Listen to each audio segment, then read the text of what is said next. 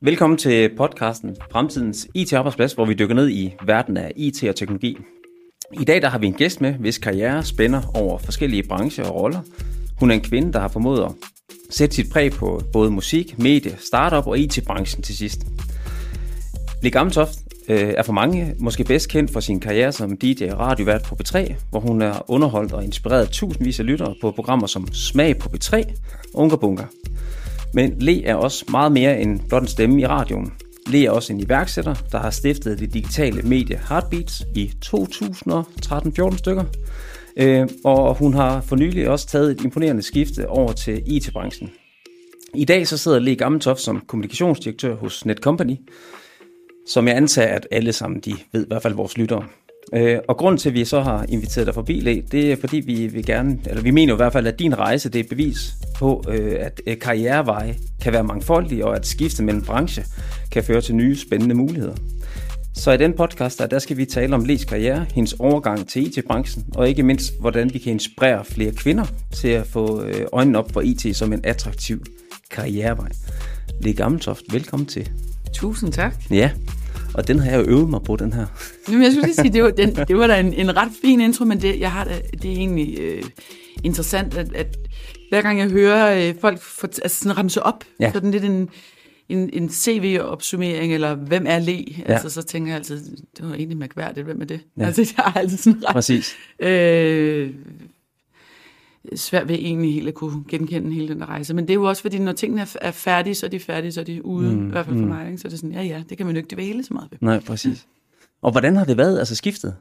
Du har gjort dig nu her over til, det er efterhånden, det må være en Jeg har været hos. Netcompany et år, ja. lidt over et år, og øh, må sige, at jeg havde, øh, hvis du spurgte mig for to år siden, mm. så havde jeg aldrig nogensinde set, at det var det, jeg skulle. Nej, Men det har været et ret fedt skift, og jeg er, er glad, fordi da jeg trådte ud af Heartbeats, der sagde jeg, at mit næste job, eller det næste, jeg skal, det skal være sammen med nogle mennesker, som er dygtigere end mig, som kan mm. noget, jeg kan lære noget af.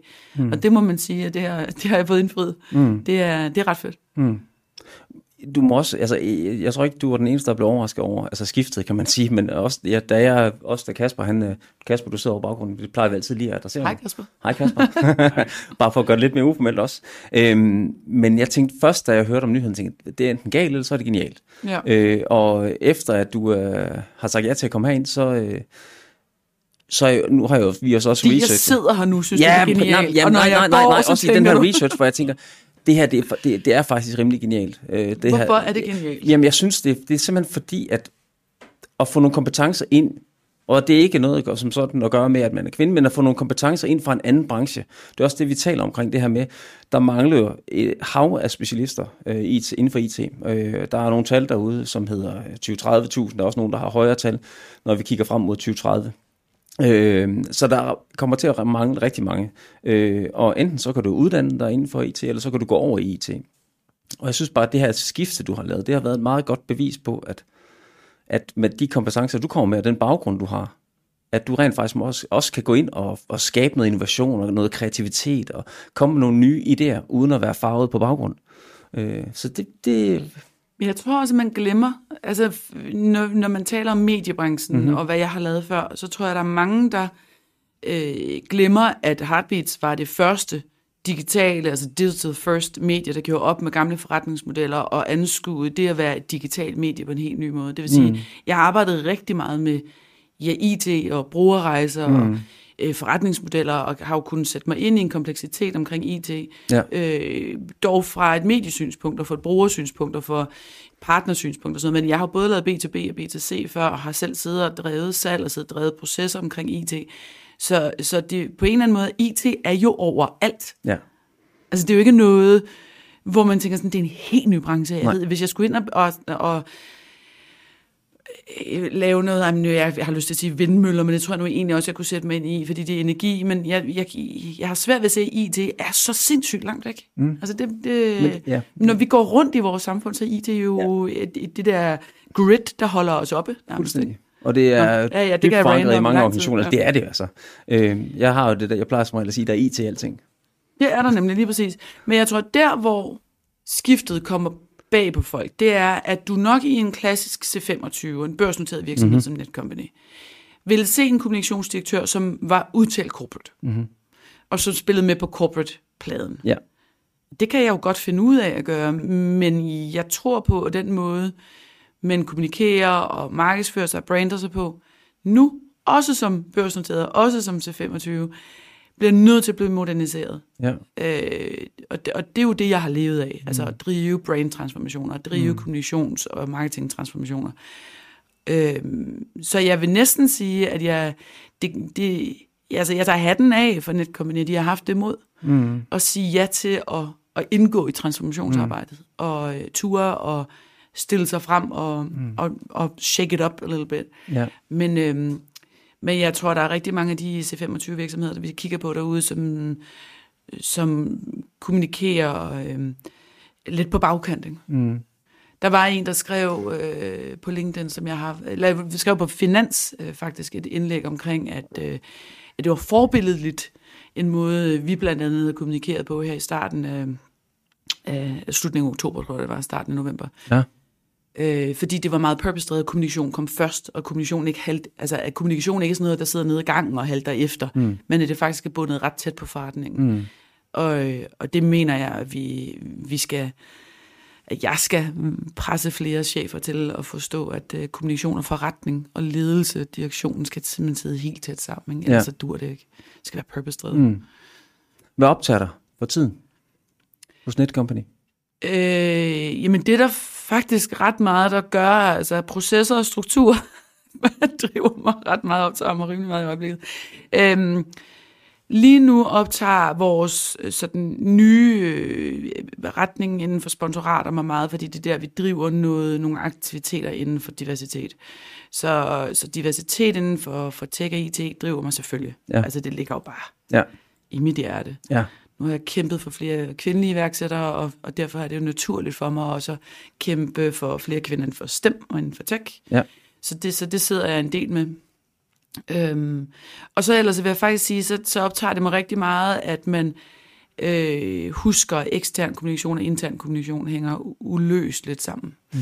Så det er også noget, vi, øh, vi bruger ret meget tid på mm. i øjeblikket. Man kan ikke sige én ting ude i verden og noget andet indenfor. Mm-hmm. Øh, alle ens medarbejdere skal i gåsøjne set som, eller anførselstegn set som familie, ikke? det er det, man siger mest til. Mm-hmm. Og så siger man måske lidt mindre, eller lidt andet, vinklet lidt anderledes eksternt, men det er vigtigt, at man har folk med, og at man er ærlig. Ja. Så det optager mig også ret meget. Hvilke projekter? Altså nu, øh, vi har jo selv lidt et samarbejde med Astralis, Ja. Nexus i hvert fald. Jeg kan se, at jeg sidder og kigger på en Astralis t-shirt. Jamen, prøv, altså. jeg, jeg tænkte, jeg, altså, det var mig, der var så uspekuleret. Jeg tænkte, vi skal lige have et eller andet op, som også symboliserer, at vi er der også. Mm-hmm. Ej, vi, har, vi afholder, afholder nogle, øh, nogle øh, karrierebars øh, sammen med Astralis inde på Nexus, øh, hvor det er, at vi inviterer øh, IT-professionelle øh, ind til øh, en øh, hyggelig eftermiddag og aften, hvor det er, at øh, der er nogle virksomheder, som pitcher, øh, hvorfor de er der Øh, og så har vi typisk nogle emner, som vi dykker ned i sidst. Vi afholdt det her for et par måneder siden. Der handlede det omkring øh, inklusion og diversitet. Mm. Øh, og, og det skal vi også tale lidt om her. Øh, men hvor vi også taler omkring, altså det der med diversitet, så er det ofte, når vi taler om diversitet ude i virksomheden, så er det, i hvert fald min oplevelse, så er det meget omkring køn, specielt i IT-branchen. Det er meget Danmark, ikke? Ja, altså, præcis. Lige snart vi bare flyver en time ud fra København, ja. så ja. er diversitet noget helt andet. Ja, og diversitet mener jeg jo også, det er jo det er også noget omkring alder. Vi kalder jo nogen for senior, øh, seniorudvikler, og der er også noget, der hedder Senior Danmark. Det er jo plus 50. Øh, det er jo meget lige Man kan altså godt være senior hos os, uden at være plus 50. Ja, ja, præcis. Jamen, det, ja, ja, det er jo det. Men ofte så vil der også nogle gange, der, hvor du er junior, så vil du gerne være senior, ja. selvom du er 28, ikke også? Ja. Øhm, men, men vi mener jo også, at diversitet og inklusion handler også omkring... Øh, og, og tør og tage nogle sats og rekruttere nogle skæve profiler også. Ja. Øh, og det var også det, der fyldte øh, vi taler omkring det her med at have diagnoser på arbejdspladsen. Øh, det er også noget, vi synes, øh, der ligger os nært også. Øh, så, så, så vi gør noget med Astralis også, og det, Astralis for os og Nexus er et værktøj til, at vi kan fordi invitere dem her ind i huset her, det er ikke det samme trækplaster, som hvis vi inviterer dem ud, og, og så har noget socialt også, at bruge gaming faktisk som et, et værktøj til at, fordi nogle af dem er nogle introverte profiler, ja, øh, så at du har en kanal igennem gaming-delen, som gør, at vi rent faktisk, det nedbryder nogle barriere Og det fungerer sindssygt godt. Men der tror jeg også, altså der er, jo, der er simpelthen så mange ting omkring samarbejdet, vores samarbejde med Astralis, som, som jeg synes er helt vildt interessant. Mm. Altså der er så mange niveauer af det, som kan noget. Men hvis man siger helt op i toppen, så synes jeg ret fedt, at vi kan lave øh, en type sponsorater, ligesom få ryddet op og sige, at vi skal lave nogle sponsorater, som er mere meningsfulde. Ja. Øh, det der med, at man sætter banner op et eller andet sted, så ligesom synes, Ja. så har vi gjort det. Ja. Jeg vil gerne have, at vi bruger vores, både vores økonomi og vores muskler, vores platform, vores navn, vores brand, alt til at pushe en, en mm. større dagsorden end bare. Ja. Og det synes jeg, det kan. Hvis man siger noget af det, der virkelig har optaget danskerne i medierne, og mange af eksperterne også inde på borgen i den forgangne nok 6-12 måneder, har været det her med skærmtid. Ja. Øh, der er e-sport og gaming jo vildt interessant. Mm. Og jeg vil sige, som mor til to børn, så synes jeg, det er rigtig interessant. Ja. Fordi øh, der er helt klart en, øh, en, en manglende nuancering inden for de budskaber, vi kigger ind i nu. Hvad, hvad er skærmtid? Altså, Hvis du sidder fuldstændig passiv og troller igennem øh, TikTok. sådan nogle øh, reels på mm. Snap, som mm. de små gør, ikke? Ja. Og TikTok, når de Ja. ja. lidt større, hvis de får lov, mm. Så, så er der trods alt en masse læring i e-sport. Mm. Øh, der er faktisk noget socialt, der er noget kommunikation, mm. der er noget sprogligt, mm. øh, der er selvfølgelig hele den færdighed ved gaming, mm. altså så du er aktiv, du er social, øh, du indgår i en sammenhæng, som ja. Er ret fed. Og der synes jeg, at der er en nuancering, vi skal have, have taget fat i. Det er jo ret svært at sætte sig ned og skrive en, en A4 og prøve at forklare den nuance, altså den, den, og få det nuanceret på den måde. Men, men det, det vil vi prøve på, fordi mm. det, det mener vi også hos Netcompany, der er, det er for nemt at bare snakke om skærmtid, og så mm. sætte punktum der. Ikke? Jo. Så er der sådan en, en helt anden ting, som jeg synes er ret interessant, både ved, ved e-sport og gaming og tech og diversitet, sådan inden for al, hele den der, øh, hele det område, også alt det, jeg har lavet før med iværksætteri. Vi har en eller anden idé om, at når vi snakker om og taler om, at vi gerne vil have flere kvindelige iværksættere, flere kvinder inden for tech, flere kvinder inden for STEM, flere kvinder, at så kan man ligesom bare skrive under på et stykke papir, og så vælter der 28-årige kvinder, der har kompetencerne ud af universiteterne og ind på, dit, på din arbejdsplads. Mm. Der er jo diversity pledges herfra til evigheder. Hvis vi sidder og skriver under på papirer, og så laver alle mulige aktiviteter til kvinder, der allerede går på universitetet, så, så har vi misforstået noget. Ja. Vi bliver nødt til at se på, hvad der sker i folkeskolen, Ja. og hvad der sker i udskolingen. Yes. For det er der, kvinderne, pigerne, mister interessen for tech, STEM, mm. matematik, fysik, naturvidenskab, computer science, alt. Det taber de omkring 5. og 6. klasse. Og det er, fordi vi i folkeskolen har kønnet undervisning. Ja. Så når vi gerne vil bygge rollemodeller inden for den første, det første professionelle kvindelige CSGO-team, mm. så er det fordi, vi gerne vil have de 11-12-årige kigger på den 16-årige og tænker, Det er fandme sejt. what, mand? Ja. Hende der? Ja. Wow, det er vildt. Mm. Så der er jo en masse forskellige ting i det, og så er det jo fantastisk at bygge rollemodeller. Altså, mm. det, der findes jo ikke noget federe, end at være med til at gøre de her øh, kvinder til forbilleder for, for de yngre. Ikke? Så der er mm. alle mulige ting inden for det her samarbejde med Astralis, som jeg synes er fantastisk. Mm. Og som du også siger, mm. at kunne invitere nogle unge mennesker ind i Nexus, Ja, ja. Og- Præcis. fyre rum på de der CSGO-baner sammen med pigerne og kvinderne og sådan Det er ja. sejt, ikke? Jeg hørte faktisk Marie, som er 16, som er på det der team, hun siger, at når de spiller CS, Counter-Strike, så får pigerne og kvinderne stadig øh, besked på go to the kitchen af de mandlige spillere derinde. Så Okay. det er sådan way What? setback. Ja. er så hård tone øh, What? over for dem stadigvæk. Og det er altså de professionelle spillere, de nakker jo de der mænd inden, men, men de får stadig at vide sådan, hey, skulle du ikke øh, gå i køkkenet nu, lille skat? Og det er så nedladende. Det er, tonen er absurd. Hvor dybt er I involveret? Altså ud over sponsoratet? Jamen, de her vi er sammen med dem relativt ofte, fordi vi optager en dokumentar Ja. om, øh, om nogle af, af kvinderne, og så øh, er vi nu i gang med at lave alle mulige aktiviteter, der skal komme i, i starten af 24, øh, både hos Nexus og hos os, og Ja. alle mulige forskellige ting. Og hvordan fik I ideen? Fik, hvem fik ideen? I, i, den partnerskabsansvarlige på, hos Astralis har været ansat hos mig på Heartbeats. Så vi har ligesom en åben linje. Altså jeg har jo tidligere ansat et Heartbeats, som sådan væltet ud i verden i fede stillinger af Ja, ja, mulige ja, ja, ja, spændende ja, ja, steder, ja. ja. som jeg stadig heldigvis har kontakt til. Ja. Så, øh, så jeg tror, vi egentlig havde en samtale om det, og så skrev han til mig, at de var sådan lidt tysk i gang med at samle det her hold. Og der var bare, hell, yes, det skal vi bare med på, det der. Jeg tror, vi var de første, det gik til. Mm. Så øhm, det var meningsfuldt. Jamen, Synes jeg. mega meget. Ja. Men apropos det her med folkeskolen, nu siger du selv to, jeg har selv to drenge på Ja. ja. 12 og 14. Jeg har to piger, Ja. 7 og 11. Okay. Skærmtid. Mm-hmm. Findes det? Vi taler rigtig meget om det i øjeblikket. Øh, jeg synes ærligt, det er ret svært. Mm. Øh, egentlig også, fordi jeg, må sige, jeg har mine børn øh, syv, syv, ikke? så jeg har dem syv dage alene, hvor øh, nogle gange det, man skulle da taknemmelig for den der pause, at de holder deres kæft og sidder og kigger på Snapchat. Altså, sorry, men sådan er det jo. Ja. Øhm, den 11-årige har, jeg, jeg vil starte en anden måde at sige, at hun kommer hjem fra sin sport, eller sin skole, eller sin klub, eller hvad hun kommer hjem fra, og det første, hun skal, det er at lave sine lektier. Ja. Og øh, derefter tager vi ligesom temperaturen på dagsformen. Mm. Vi spiser sammen, vi rydder op sammen, vi gør de der ting, men så er det, at skal vi se noget i fjernsynet sammen, eller tager hun en pause med Snap, hun er på Snapchat, altså freaking hele tiden. Ikke? Mm. Og jeg bliver sindssyg af det. Altså, ja. ligger jo bare sådan en, en mos kartoffel, Ja. Som er fuldstændig, øh, altså der er jo ingen personlighed eller lyst til at leve i den krop, mm. når hun ligger og glor på det der. Så vi prøver at skabe noget aktivitet, hvor man siger, det er ikke det første, man vælger. Mm. Det er ikke så nemt. Øhm, min yngste på syv, hun har nu selv i talesat, at hun sammen med sin far har aftalt en halv time skærmtid om dagen på en iPad. Hun har ikke en telefon. Hun må gerne se tv, fordi det er mere socialt. På en iPad. Nej, Hun må ikke se tv på en iPad. Hun må, altså tv, altså I tv'et. hun må have tv'et tændt Ja tak. i stuen. Men hun må ikke kaste den over.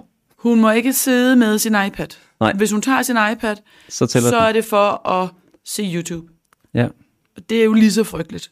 Hvis ikke måske være en Snapchat. Det kommer i hvert fald an på, hvad man ser.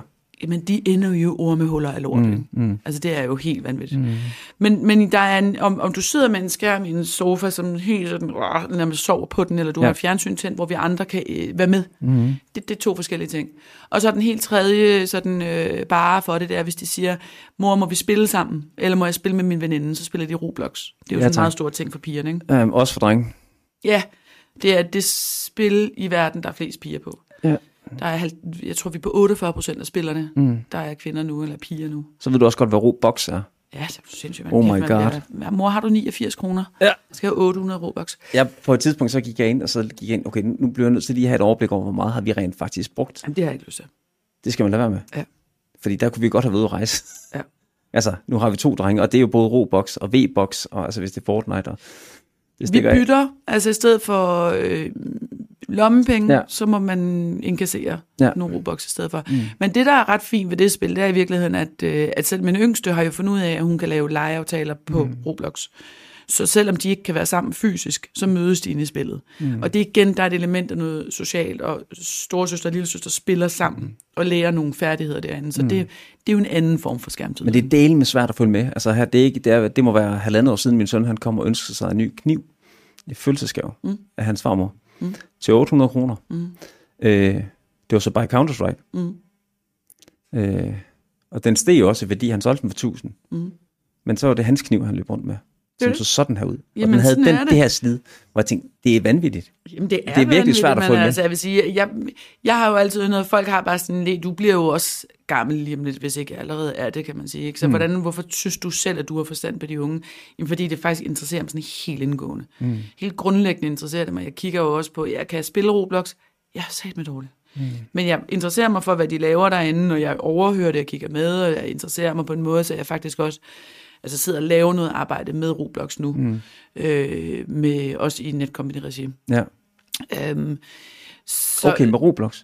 Ja, vi, det, det, der kommer noget i 24, som, Sjovt. som er interessant. Øh, også sådan lidt astralis, øh, helt det Ja, der samsurium, ja. ikke? Men, men for pigerne, mm. og, og yngre end astralis, kan man sige. Ja. Men, men jeg synes faktisk, det er spændende at kigge på de tendenser, der ligger blandt Enig. de yngre målgrupper. Altså det, det, det optager mig helt vildt. Ja. Ja. Ja.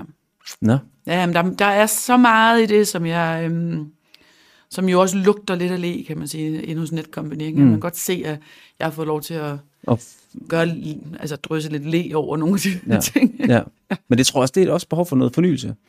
Og nogle, øh, nogle andre tanker og nogle andre idéer. Det, det er blandt andet øh, researchet lidt. Øh, du er meget idérig. Ja, det er lige, jeg er lige blevet udnævnt af, var det Berlingske til at være rig på idéer. Ja. Ja. Ikke rig på penge. Det kom, alt er jo virkelig relativt, jeg sige. Nu er renten steget, så nej, jeg sgu ikke så rig på penge nu. Nej. Øhm, men nej, det var, det var, Det var egentlig sjovt, at det, her, det var den markat, de havde sat på mig. Mm. Ja, det er jeg, da jeg får 15 idéer i sekundet. Ret mange af dem er dårlige, ikke? Ja, gen- gigant popcornjern.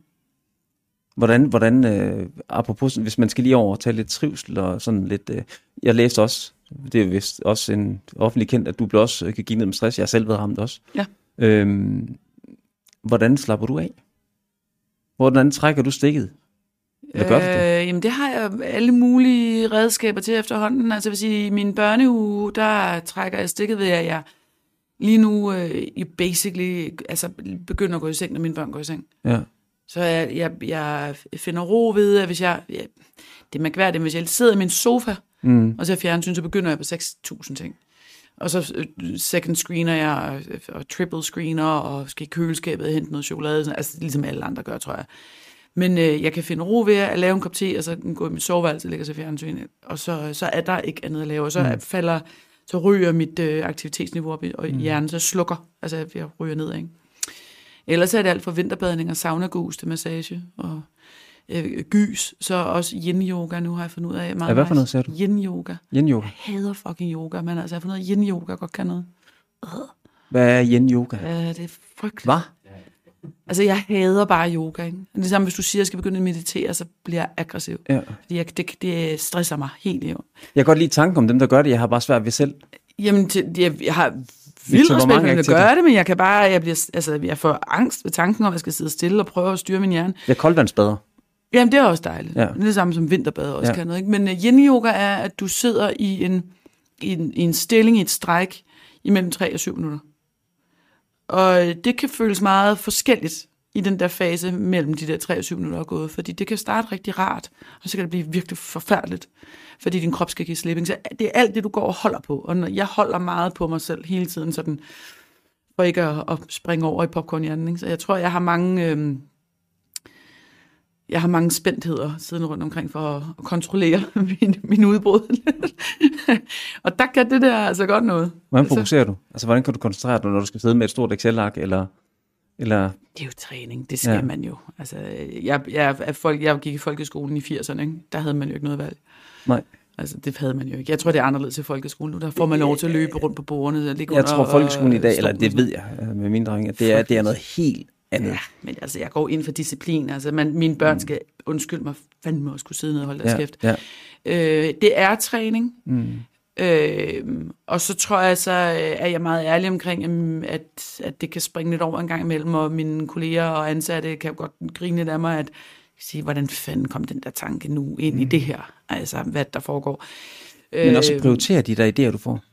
Jamen, det er nemt nok. Okay. Det har jeg også lært med. Altså, efter otte år med Heartbeats, der, der finder man ud af, hvad der flyver. Altså, hvad der kan flyve, og hvad der ikke kan flyve. Mm.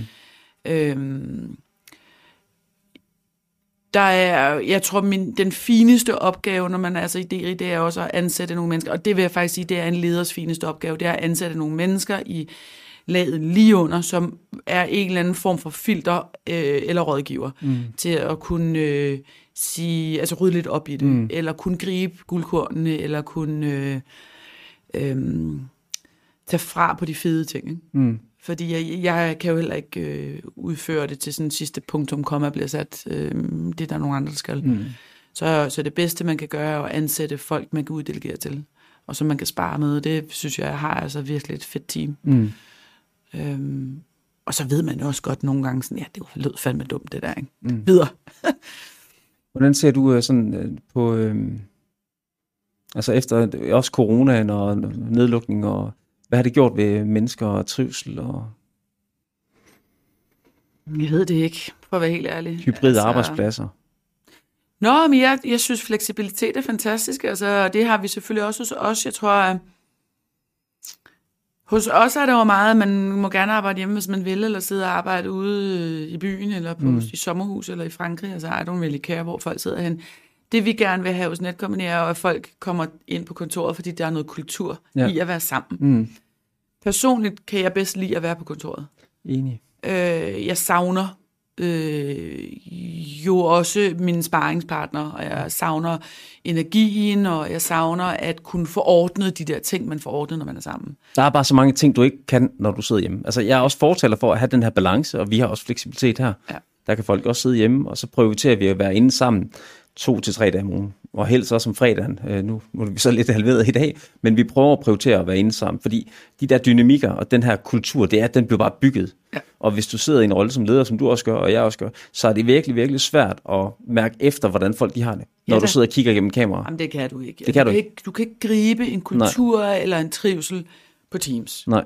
Altså, det kan du ikke. Mm-hmm. Og, øh, og, og det der, den der uformelle øhm, øh, adgang til din chef er mm. vigtig. Ikke? At man godt lige kan sige, i dag er jeg sgu et eller andet.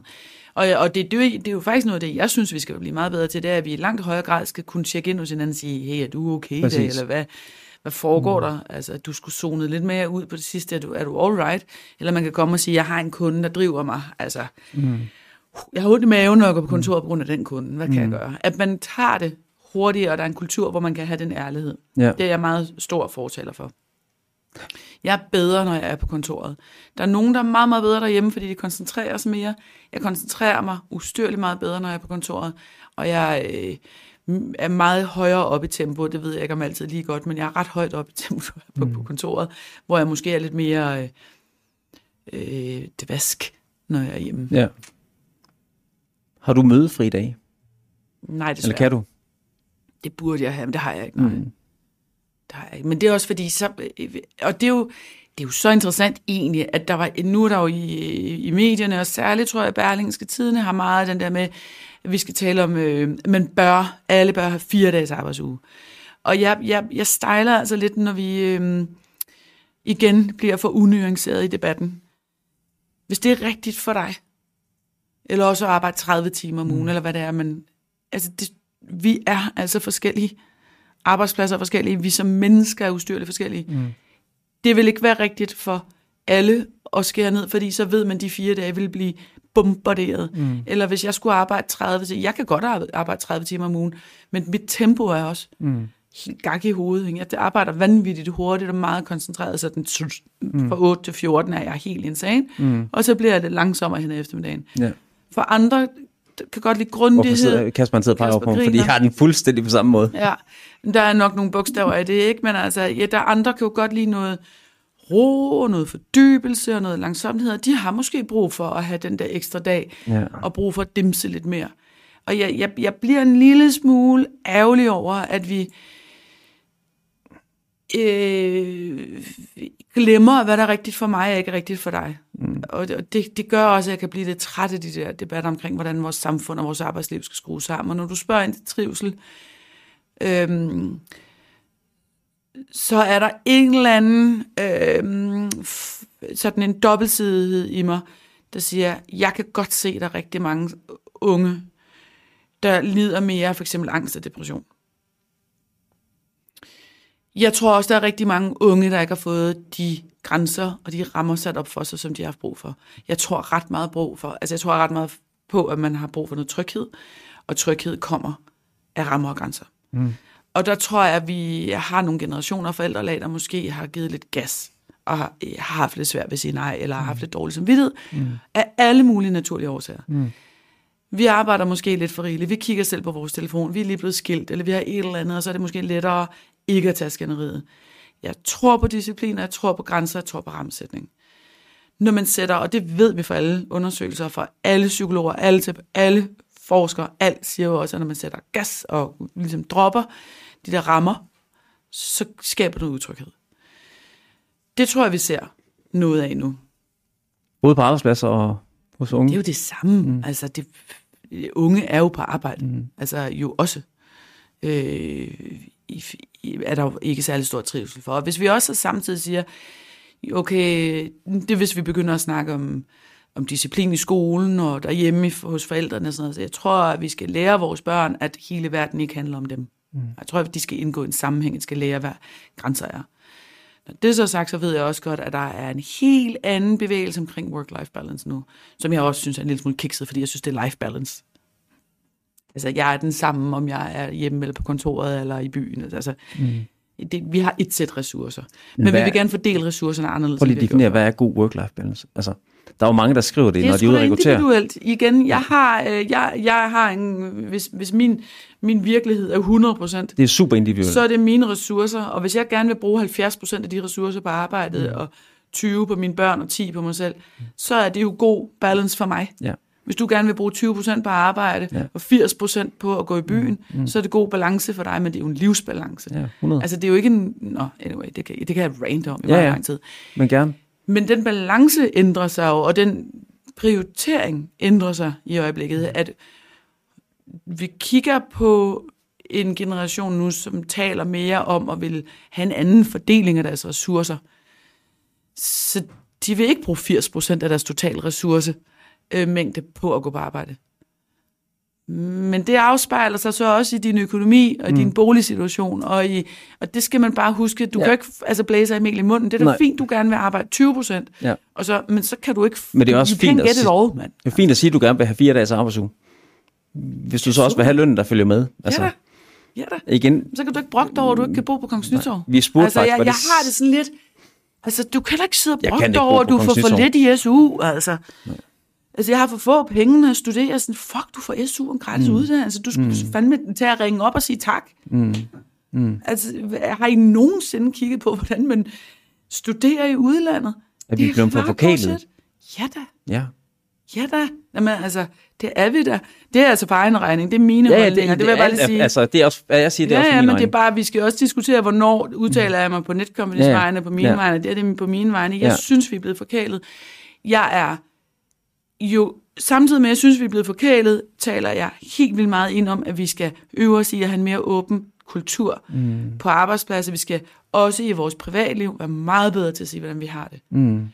Der Men tror vi- jeg, der er noget på vej nu, også ledelsesmæssigt, at vi skal, altså samtidig med, at vi skal være realistiske omkring, hvad vi kan få, og hvad vi kan, kan gøre krav på, Mm. men vi skal ture og tale om, hvordan vi har det. Altså det er to forskellige diskussioner Ja. på en eller anden måde. Ikke? Men har vi tid til at lede? Altså, har vi tid til at spotte de her signaler, der blev sendt? Ja da, ellers er du en dårlig leder. Jeg synes, det er tankevækkende, når, når jeg er ude og... Vi laver mange analyser, og årlige analyser, og vi har lavet en om ledelse, vi har lavet en om trivsel og hjemmearbejde. Vi har også spurgt ind til fire dages arbejdsuge osv. Øhm, men min oplevelse, når jeg er ude og holde nogle foredrag for, for mange ledere også, øh, det, er, det, det, er jo, det går op i strategiplaner og direktionsmøder og ryg til er ryg du også en møder. dårlig leder. Er du sådan Altså- altså, tydelig leder Nej, det over er for dine ansatte? Nej, er du tilgængelig? Det er man ikke. for dine ansatte? Nej. Har du drevet en kultur på din arbejdsplads, hvor du har øh, skabt et sprog for, hvordan folk mm. har det? Er der en åben dør, hvor folk tør gå ind og tale? Jeg vil ærligt talt sige, jeg er ikke verdensmester i at have øh, den samtale med mine øh, ansatte, men det er, gør jeg mig en klar kendelse omkring, at fordi mit tempo er, som det er, jamen, så har jeg blandt andet en siddende på mit kontor, som er ansat som min mm. rådgiver. Min, hvis du ser mit team som en virksomhed, så er jeg CEO, og så er jeg ansat en i en rolle som COO, Ja. nærmest. Ja, ja. Det er det jo en mærkværdig opbygning Ja. et kommunikationsteam, men sådan er det. Mm. Fordi jeg ved, at jeg var i gang med at prøve at skabe en ny kultur, og jeg ansatte en masse nye, der skulle indgå i et team med en masse gamle, i gåsøjne, ansatte. Det, den transformation er hardcore, øh, når man skal skabe en ny kultur omkring noget gammelt og noget nyt. Mm. Så jeg ansat en, der kan hjælpe Er det en ny med kultur i Netcompany, eller... Ja, lige præcis. Altså i, den, i det team, den marketingafdeling, jeg driver, øh, der, jeg vidste godt, hvilken, hvilken transformation jeg kiggede ind i, og jeg vidste også godt, hvor jeg kommer til kort mm. som leder. Så jeg har ansat en, der kan hjælpe mig med den del, fordi mm. jeg er helt ærlig omkring mine kompetencer. Mm. Men jeg mener ikke, at man driver ordentlig ledelse, hvis ikke man har øje på, at der skal skabes en kultur på en arbejdsplads, hvor vi kan tale om de her ting, mm. og at man skal banke på døren og sige, "Mm, min mor blev syg i går, eller mm. min hund gik... Okay, jeg gider ikke høre min hund, der er gået bort. Mm. Men jeg vil gerne høre om sygdom, jeg vil gerne høre om stress, jeg vil gerne høre om kunder, der er svære, jeg vil gerne mm. høre om... Øhm, I stedet for bare at sende dem videre til sundhedsforsikringen. Jamen, det kan da godt være, at de ender hos Ja, ja, sundhedssikringen, Ja, ja, hvilket det synes jeg også er en gave, at vi har den mm. mulighed, at der kan komme nogle erhvervspsykologer og samle op Enig. og så videre, fordi det er igen heller ikke min kompetence. Mm.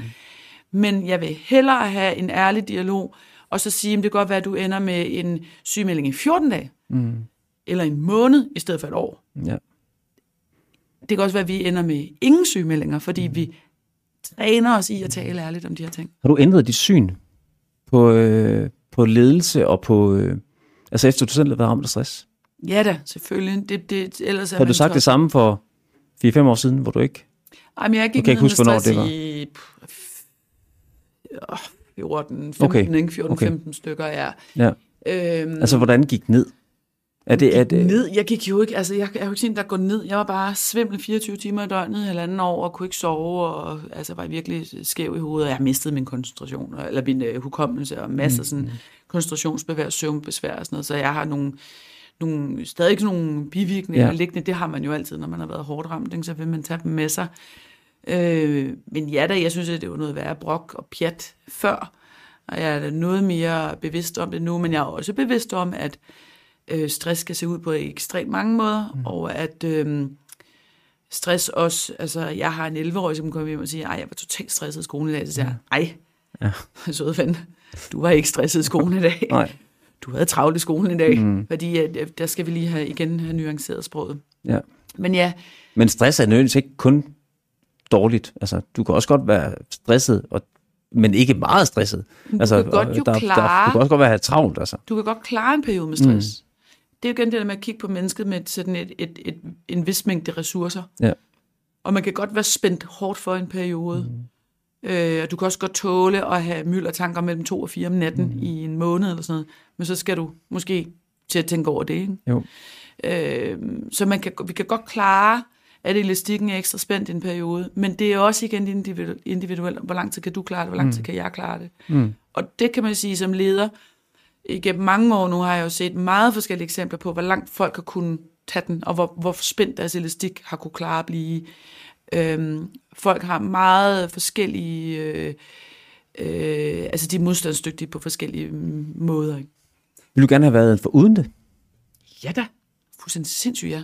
Jeg vil gerne have den ledelsesmæssige indsigt, som jeg har nu, den tror jeg nu nok, jeg havde fået på en anden måde. Havde du det? Ja, jeg ville da virkelig gerne have været for uden at have øh, alle de men. Mm. Jeg talte med min faktisk... Og men, det, det er ikke fordi, det skal være dumt, så, men, men det der med, altså, man lærer jo meget som menneske. Jeg blev ramt selv. Jamen, jeg kunne også være blevet kørt ned og brækket et ben, mm. så været øh, fået nedsat førlighed med 20 procent. Sådan, har du ikke lært meget af det? Mm. Jeg ville gerne kunne løbe. Altså. Ja, ja. Øh, nej, jeg ville gerne ikke have været nede med stress, mm. og stadig have haft min i går så en førlighed. Mm. Jeg tror på, at vi... Øh, men altså, jeg, var, jeg har gået øh, i terapi, siden jeg var 16, Okay. og har det meget som sådan en forårsrengøring. Ikke? At mm. når der er et eller andet, som jeg bakser med, så kan jeg godt sådan finde på at lige tage en to-tre sessions øh, hos en erhvervscoach, eller mm. psykolog, eller terapeut, eller ja. noget, for lige at sætte møblerne på plads. Ja, Øh, så jeg tror nu nok, jeg var nået frem til det. sat møblerne på plads. Ja, men altså, man roder jo lidt derinde en gang imellem, ikke? Det gør man. Ja. Jeg blev selv, og det skal jo ikke, det er apropos inklusion, men jeg blev selv voksenudredt for to og et halvt år siden, tre år siden, efter min søn han blev udredt i en alder af otte år. Mm. Og fik diagnosen ADHD. Mm. Det gjorde han. Øh, og jeg kan huske dengang, vi, han får diagnosen, vi sidder op på psykiatrisk, og øh, med en øh, meget gavet psykiater, øh, øh, hvor hun så, vi havde jo set ham som værende sådan en lille Rainman, der kunne tælle tilstikker. Øh, og da vi fik at vide, at han havde ADHD, tænkte jeg, ah, Øh, og da hun så begyndte at ramse op, hvilke bivirkninger der var, altså hvilke symptomer har du, og hvilke måden hjernen fungerer på, når Så du... tænkte du, hov, det lyder som nogen, jeg kender. Ja, det, det, jeg, jeg, jeg tænkte bare, det er der ikke noget galt i. Men jeg kunne så mærke min kones øjne stirrede op på mig og tænkte, hm. øh, og der gik det op for mig også, øh, at, øh, at han havde det, det genetisk. Altså. Altså jeg vil sige, på Heartbeats, når mine ansatte kom ind ad døren på kontoret kl. 8 om morgenen, og jeg var i gang med at flytte rundt og flytte en sofa Ja. ja. på egen hånd, fordi at det skulle jeg lige have fikset, fordi min hjerne også lige skulle, så jeg tænker ret godt, når jeg laver sådan praktiske ting. Ja. Øhm, så det kan også være at slå græs, eller altså jeg er gammel hestepige, jeg har virkelig mudet meget ud i min tid, altså jeg, jeg tænker godt, når jeg laver noget fysisk, og så når de kommer ind på kontoret, og jeg slæver rundt på en trepersoners sofa, og de tænker, hvad fanden laver damen? Så er der mange, der spurgt sådan, kan vide, hvilken diagnose du må har lige? Mm. Altså som joke, mm. og, og, fordi alle Ja, ja, jo, altså, og folk, der slet ikke kender mig særlig godt, mm. har bare sådan, når du har jo ADHD, mm. og sådan, som om det er mest selvfølgelige på jorden. Mm. Øhm, jeg tror, øh, jeg, jeg synes jo, det er meget sådan lidt, det er lidt ærgerligt, at der er øh, med den diagnostiseringslyst, der er kommet i Danmark de seneste, hvad det seneste årti, jeg ved det, mm. måske længere, så har vi også fået sådan en, øh, øh, vi forklarer, altså det bliver sådan en identitetsdriver for Ja, mange. ja, ja. Øh, og jeg har siddet sammen med nogle unge mennesker også på sådan en 18-19, hvor det bliver sådan deres, mm. det er jo hvem jeg er. Mm. Ej, det, det, det, det er det vidderligt mm. bare ikke, og du skal ikke gå med det forrest på jakken. Ja. Altså, du er jo den, du er, og så kan du så bruge det selv over for dine nærmeste, over for dine kolleger, måske som forklaring på, at du zoner ud, eller gør mm. noget andet, der er weird. Men det er jo ikke, det, det er jo ikke en forklaring eller en undskyldning for, at du I så ikke tager dig sammen, eller... Mm. Øh, og jeg kommer nogle gange til at afbryde folk måske lidt rigeligt, men det er jo ikke, så kan jeg ikke sige sådan, om jeg er et kæmpe røvhul, fordi jeg er nej. ADHD. altså, altså, der må man gerne Ja. også øh, nive sig selv i det arm. Og igen, disciplin, ikke? Mm. Jeg synes, jeg klæder os alle sammen. Ja.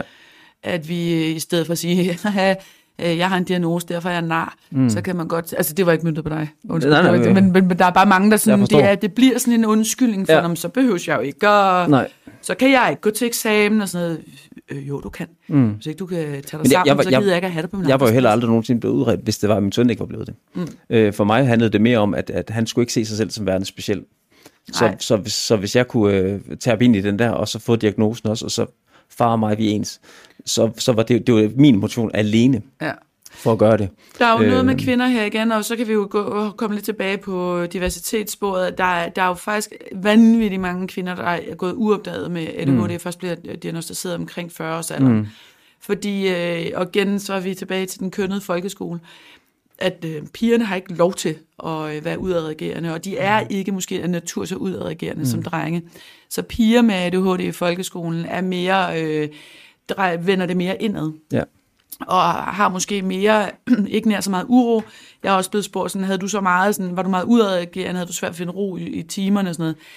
Ja, ja, jeg, jeg sad jo stille, fordi ellers så blev vi jo, altså, jeg skulle lige så sige brændt. Ja. Jeg gik på en privatskole i 80'erne, hvor man, altså, disciplin var ligesom i højsædet. Ikke? Ja. Det var ikke et valg, at man lagde sig under et bord, eller væltede rundt og, og, og kastede ting efter lærerne, sådan som børnene gør nu. Mm. Altså, jeg ved slet ikke, jeg kan slet ikke svare på, hvad der var sket dengang Nej, nej. i 80'erne, hvis vi havde Det, gjort det var ikke sket.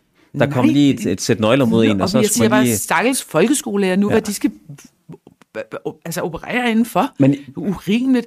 Men det er bare, der er mange, kvinder har bare en anden Ja. måde at øh, have af det. Mange har i hvert fald en anden måde Jeg, var- at jeg var reagere på. faktisk... Øh, jeg var for uden alt det der, fordi jeg var jo mere uden for døren end inden for døren. Så. Jeg var også meget ude for Ja. fordi jeg talte hele tiden. Det Ja. er jo ikke stoppet, kan man sige. Jeg taler jo stadig hele tiden. Dengang havde man bare krudt i røven, jo. Ja. Min hjerne havde krudt i røven, så når de ikke kunne finde ud af at undervise mig på en interessant måde, så mm. snakkede jeg. Ikke? Mm. Og der snakkede jeg, der talte jeg nok ikke så meget. Nej. Så, men altså nej, men der er noget med kvinder der, der øhm, som også er, altså, der er, der er noget midt i vores samtale omkring hvor, hvor, med køn og, og, og så videre, så, så øh, skal vi ikke huske, at der faktisk helt grundlæggende er forskel på kønnene. Øh, det kan vi ligesom ikke komme udenom, det er rent biologisk. Er Ja. der, det, det kan vi jo se. Mm. Det, det, igen, det er jo Ja. forskning, der taler, det er ikke mig. Ja. så, øh, så det er der også inden for det her. Og apropos køn, altså hvad, dit skifte, og hvad kan man gøre for at få, altså IT-branchen er jo kendt, som vel så mange andre brancher, at være mandsdomineret. Når vi laver vores undersøgelse, så er det sådan 80-20 besvarelser, der kommer fra kvinder, og 80, eller 20 procent fra, fra kvinder, og, og det har ligget sådan rimelig stabilt igennem de sidste 3-4-5 år. Der er ikke rigtig sket en udvikling. Øh, men hvad kan vi gøre for at få flere unge mennesker og kvinder også til at få, få øjnene op for, der er jo forskel på at, at søge ind i IT og i IT-branchen, og så at uddanne sig inden for IT. Lige præcis. Hvilket et af spørgsmålene stiller du mig? Er det Jamen, jamen, jamen, jeg tænker i forhold til Job. Den, ja, i forhold til job. Hvis du sidder i en, i en virksomhed i dag og arbejder med, ja, det kunne være hvad som helst næsten. Altså, du, jeg synes, du er et godt eksempel på, at du rent faktisk har taget et skridt fra at gå fra, fra, fra, fra heartbeats og iværksætter, og så blive rekrutteret over til IT-branchen. Men hvordan kan vi få flere af de her, altså til at få øjnene op, som IT er rent faktisk en karrierevej, altså at vi er store forbrugere af IT. Øh, Jamen, jeg synes jo, det er så svært. At, der, jeg den der stereotyp forstå- af, hvad en IT, øh, hvad en programmør laver. Altså IT er ofte, så er det en, der sidder og koder. Og det er det jo ikke. Det er det jo også. Det er det også. Altså, men, men der er jo ligesom alle mulige andre virksomheder, jo styrligt mange typer fagligheder, Ja. som, som former en IT-virksomhed. Og jeg, for mig, jeg kan godt lide at arbejde øh, i eller for eller med øh, en virksomhed eller drive en virksomhed, som har et, et, et sådan higher purpose. Mm. Øhm, og der mener jeg jo faktisk, og det, tror jeg håber, at vi er enige i, som du siger, der er IT overalt. Mm. Vi sidder i Netcompany og, og arbejder med samfundskritiske løsninger, som faktisk er med til at forbedre dit og mit og alles liv. Og så kan det godt være, at der er en eller anden udskældt øh, løsning et eller andet sted. Øh, men de meste af det, vi laver, er der ikke nogen, der ser. Mm. Det er bare med til at øh, skabe mindre byråkrati og administration og alle sådan nogle ting. Altså simpelthen kunne få tingene til at Øge produktiviteten. lettere, mm. øge produktiv- produktiviteten. Men også på sigt med det, der sker med AI nu, mm. som er vanvittigt interessant. Ja. Øh, AI kan jo faktisk være med til at sige, at der er en masse af de arbejdsfunktioner, som er gentagelser, mm. som kan blive taget fra dig, så du kan bruge din tid på noget, der mm. måske, måske ikke er sjovere. Det kommer Ja. ja. på, hvem du er selvfølgelig. Ja. Øh,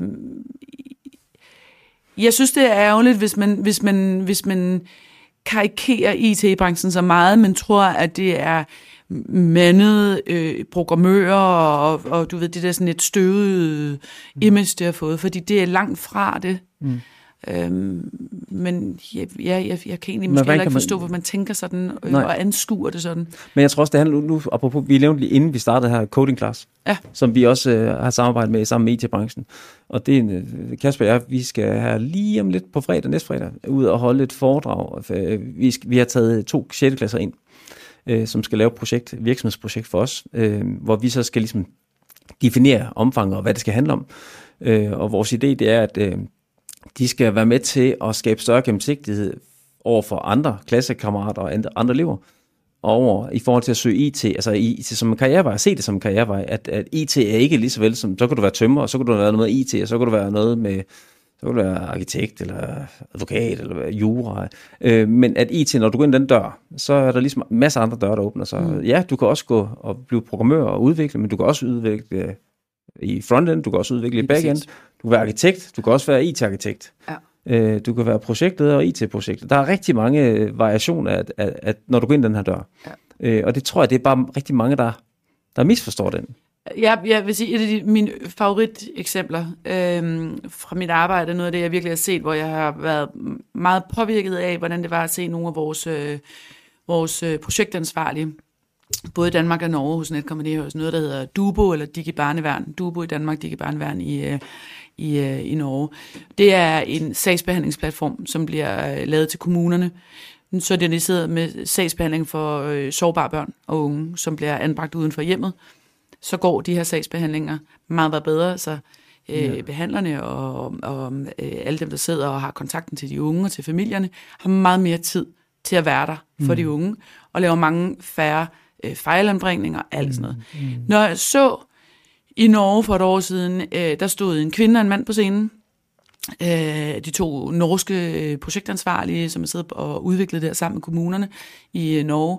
Se dem på scenen præsentere, at de havde en go live øh, i en af de helt store kommuner, og, og de havde tårer i øjnene, fordi at de kommunale ansatte, der sad med den her sagsbehandling med de her børn, og det, vi kommer med en historik i Norge, mm. hvor der er altså børn og unge, som har det meget, meget svært at begå selvmord, ja. fordi de har Åh, det ja. svært i deres plejefamilie osv.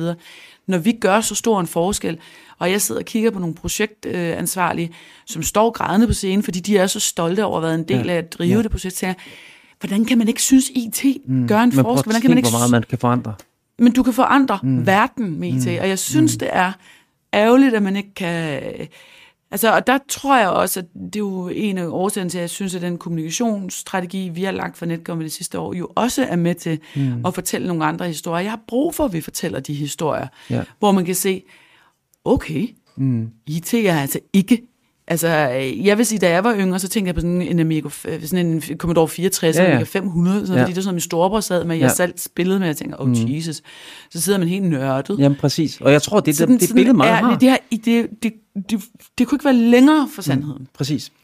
Øh, der er 8.000 mennesker næsten ansat i Netcompany nu. Og det er altså ikke dem alle sammen, der sidder i en kælder og drikker cola og programmerer, vel? Jamen, det, Altså, det, det er der er også nogen, der sidder på første, anden, tredje, fjerde, femte sal, ja. altså og laver noget andet. Det er bare, jeg vil sige, det er nok noget af det mest meningsfulde, jeg, jeg længere lavet, og jeg synes, at det er ret fedt at være med på den der transformationsrejse, som jeg har stået spidsen for, at få lov til at, at både at fortælle nogle andre historier for Netcompany, og brande Netcompany anderledes, men også være med til at, at brande IT anderledes, mm. og være med til at forhåbentlig skubbe nogle aktiviteter, nogle projekter, som gør, at der er flere piger i udskolingen, som holder fast, mm. og som måske finder ud af, at der er noget, der hedder Roblox Studio, eller der er noget, der hedder øh, CSGO, eller der er noget, hvor du kan få nogle færdigheder, mm. hvor springet over til at lege med at udvikle, eller whatever mm. inden for IT, at det mm. ikke er så farligt, Præcis. og der kan vi sagtens få pigerne med. Ja, Så kan du bygge noget hår til din avatar inde i Roblox, ja. og så er det fedt. ja ikke? præcis. Øh, og så kan det godt være, om du om 20 år sidder i gang med at udvikle et af de helt store samfundskritiske projekter og systemer, som vi sidder med, fordi du startede nede mm. i din gaming-platform som 10-årig. Ja. Herlig fucking halleluja, altså. Men også at få solgt det der ind, også når vi snakker internt, altså ikke internt kommunikation og ekstern, men internt, altså få det solgt ind til dem, der sidder og laver det her. Altså det er også så vigtigt, fordi vi har også dykket ned i sådan noget som, altså vi plejer som regel altid, når vi laver analyser, og øh, beder, vi får et par tusind, der deltager, der øh, går de her spørgerammer igennem.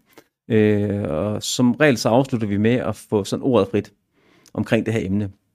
Sidste år, der dykkede vi ned omkring meningsfyldt arbejde.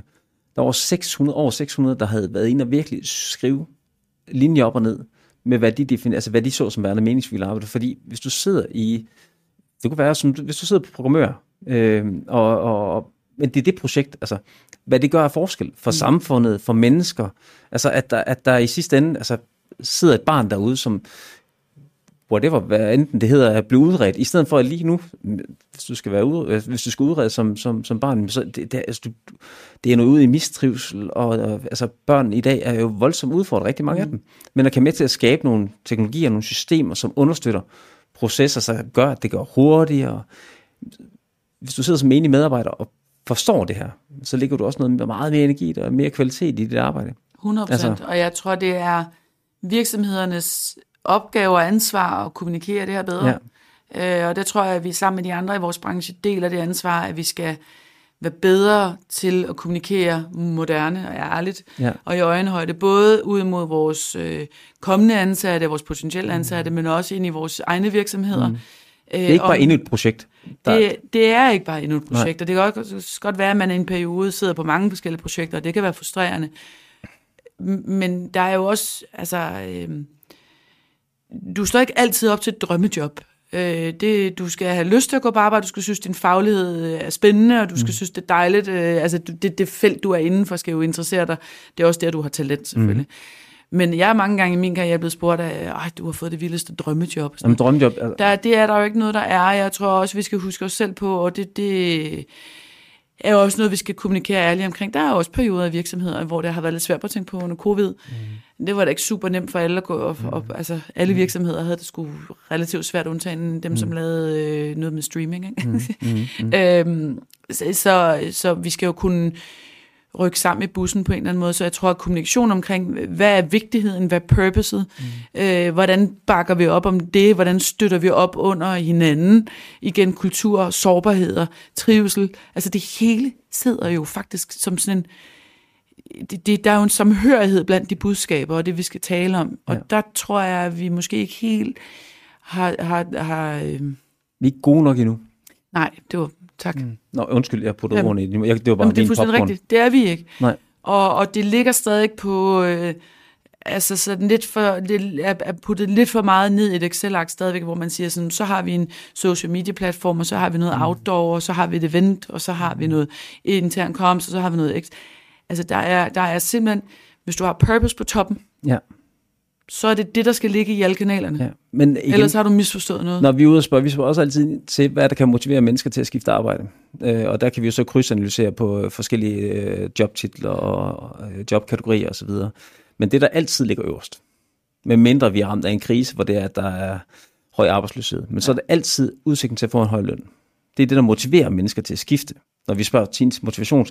Men tankevækkende er det så, når vi spørger ind igen, hvad var årsagen til, at du sidst skiftede job? Så er det ikke løn. Det er ikke dårlig løn. Den ligger nummer 7 8. plads. Det er dårlig ledelse.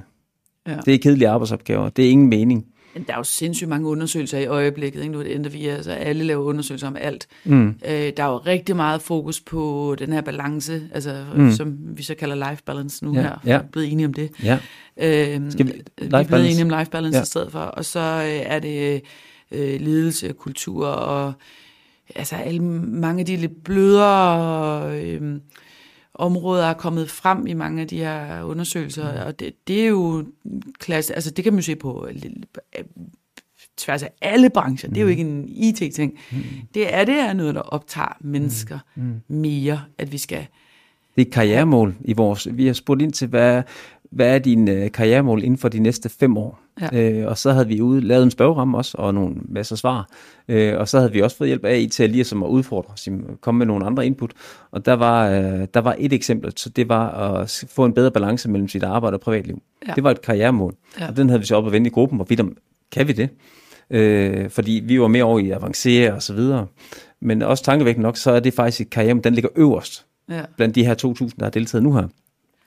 Det er udsigten til at få en bedre balance. Den ligger øverst lige tæt konkurrence med at avancere i sit nuværende job. Men det er ikke at skifte job til en anden branche, Nej. eller blive leder, der er et karrieremål. Det er balancen, altså livsbalancen, og, og så avancere. Øhm. Men jeg tror, altså sådan grundlæggende for mig, så har jeg det svært ved, når man taler i så absolute termer, som, som man har det med at gøre i de her diskussioner. At jeg synes, at nuancering omkring, at vi er forskellige, mangler totalt. Øh, jeg blev også mødt af en her forleden, som sagde, man arbejder man ikke 80 timer om ugen hos Netcompany. Der var også en anden, der spurgte, altså at gå fra at være iværksætter til at gå corporate, altså du må arbejde solen sort. Altså, jeg laver mit arbejde, jeg gør det, jeg skal, og jeg gør nok også mere i virkeligheden, men øh, jeg arbejder ikke 80 timer om ugen, det er jeg slet ikke interesseret i. Men jeg mm. arbejder på en måde, som jeg trives i. Der er andre, som, og jeg kan også se folk på mit team, så henter de måske lidt tidligt, så går de i godsøjne tilbage på arbejde om aftenen. Det ja. har jeg ikke lyst til. Jeg gider ikke arbejde om aftenen, nej. hvis jeg kan blive fri for det. Mm. Øh, det, man, sam, det, det, man stykker det jo lidt sammen det er jo på en måde. Og, og der tror jeg, at øh, det er jo fleksibilitet. Mm at man kan vælge at sige, øh, jeg har x antal arbejdsopgaver, jeg skal være færdig med, og dem kan jeg godt lide at lægge sådan her på mm. døgnet, også i forhold til, om jeg har små børn, eller om jeg er single, skal på date, eller mm. whatever. Ikke? Mm. Men, men fleksibiliteten skal være der, og så skal nuancering omkring, hvor forskellige vi er, jo også være til stede. Ellers er det jo en tosset samtale. Mm. Den, den synes jeg faktisk mangler. Øh, jeg arbejder ikke 80 timer om ugen hos Netcompany. Det kan godt være, min hjerne gør, men den kører lidt nok hele tiden, tror ja, jeg. Ikke? Ja. Øhm, det, det er der heller ikke nogen på mit team, der gør. Altså, jeg synes også, at det er en mærkelig sådan, at folk slutter. Jeg arbejder sindssygt meget mere, end jeg gjorde som, øh, som iværksætter. Jeg havde mange flere bekymringer, da jeg havde Heartbeats, fordi mm. det var mig, der var ansvarlig for 35 menneskers løn. Mm. Det er nogle andre ansvarsområder, jeg har nu, så det er noget andet, der bekymrer mig, så det kan du mm. heller ikke sætte lige, lige tegn mellem. Nej. Så, så folk er lidt for hurtige, mm. synes jeg, i de der mm øh, konklusioner, de, ja. de drager. Ikke? Jo. Sådan i forhold til, hvad, nu glemte jeg jo min time timer. Hvad siger tiden? Jamen, det er godt. Øh, sådan, øh, hvis vi skal prøve sådan lidt at lige kort dykke ind i sådan den fremtid, vi kigger ind i, nu, nu er du selv AI. Det er stærkt betaget af AI lige nu. Mm. Jeg har brugt rigtig, rigtig, rigtig her mange timer på at researche, og hvad det kommer til at få betydning, og det kommer til at, jeg holder meget igen, for ellers så kommer jeg til at ligne en, der sidder med en sølvpapirsat. Øhm, hvad tror du, øh, hvilken betydning tror du, det får? Altså på, på fremtiden, det over de næste fem år. Hvor meget kommer det til at forandre?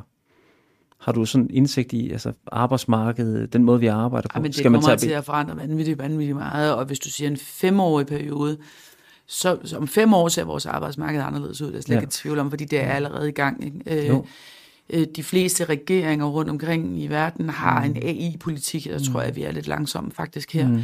Øhm, fordi vi ved, at det kan være med til jo at løse en masse problemer for os. Og jeg vil sige, at Danmark er vi jo i gåsøjne heldigt stillet på den måde, at vi faktisk mangler hænder, og der kan AI jo komme mm. ind og hjælpe os i, ja. i, en, en, en lang udstrækning. Mm. Der er der ingen tvivl om, at øh, man skal spørge sig selv, om det arbejde, man, man udfører hver dag på sit arbejde, om det er en gentagelse, som sagtens skal blive overtaget. Altså, hvor, mm. hvad er det, du laver, og hvor, hvor øh, jeg tror, at de fleste af os synes, at vores arbejde er relativt vigtigt. Mm. Øh, det vil være ærgerligt, hvis man sagde, at det er ikke vigtigt, det jeg laver. Mm. Men jeg tror, man skal være ærlig over på sig selv og sige, er der, er der noget her, som... Øh, som AI ikke kan overtage. Der er jo masser af administrative opgaver, og masser inden for jura, HR, administration, altså mange af de shared services, mm-hmm. hvor vi mhm. kommer til at se, at AI kommer til at tage over.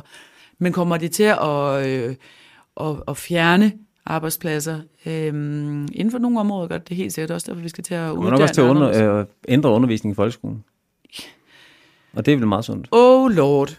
Altså, prøv lige at høre. Det, det skal du nok ikke sige så, så skråsikkert, som du gjorde der, fordi at vi er altså i, en, i, en, i, en, i et land, hvor man i folkeskolen når børnene skal logge ind på et eller andet, så kan lærerne jo faktisk ikke finde ud af det, mm. og har brug for at kalde på IT-services på skolen, og så er der, kan du så sige, så tusind elever, der skal deles om det. Ja. Vi er faktisk ret langt bagud i den danske folkeskole. Det kan godt være, at vi har skærme, det kan godt være, at de er på Teams, det kan godt være, at de har under covid lært at, mm.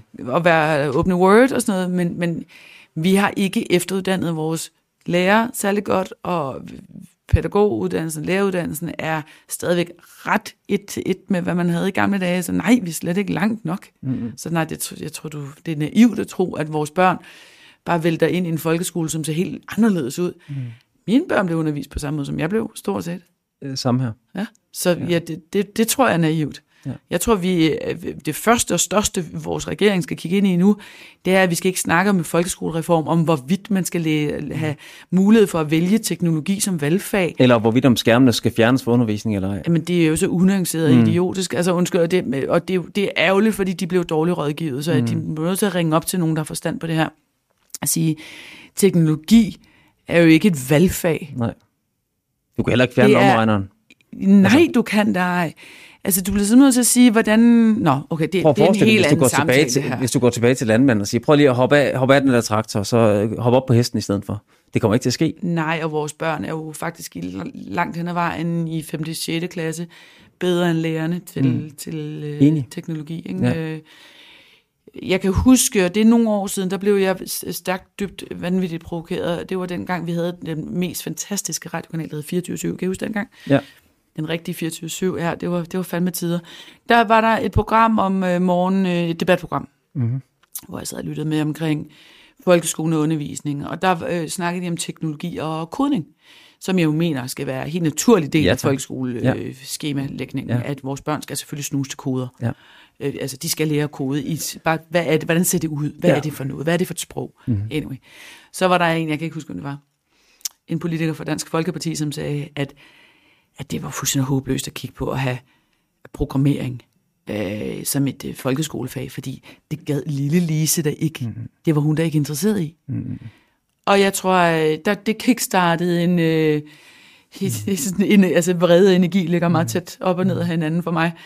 Jeg blev faktisk så sindssygt irriteret, at jeg skrev ind til det der program, øh, og jeg tror også, at jeg har rantet om det siden, at for mine børn, som jo så er repræsentanter for Lille Lise. Mm. Det havde været genialt for dem, hvis de havde lært at programmere i skolen. Ja. De havde da stået bedre. Ja.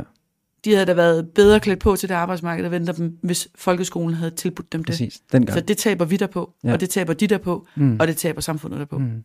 Så må vi håbe, at AI kan være med til at understøtte den del, altså kan være øh, med til at vores bedste i hvert fald. Ja, præcis, præcis. Ja. Øhm, sådan øh, lige til sidst her. Øhm, hvis man skal sådan, hvis du skulle give en, øh, en anbefaling til, til nu har vi talt omkring kvinder øh, og piger, øh, altså hvorfor skal man søge den her vej, altså ind i IT, frem for at gå hvilken som helst anden vej? Hvad er det, der, altså, hvad er det, der gør, hvad er det, der gjorde, at du tog valget, da du blev, fik muligheden? Havde du nogle overvejelser?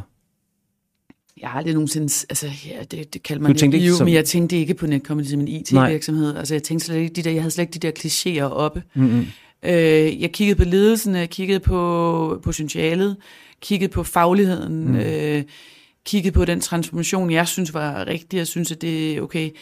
Det, her var faktisk en, en, en børsnoteret til 25, som havde modet i ledelsen, på ledelsesniveau til ja, at drive den øh, transformation, som jeg tager hatten af, for at mm. de har haft, øh, haft lyst til.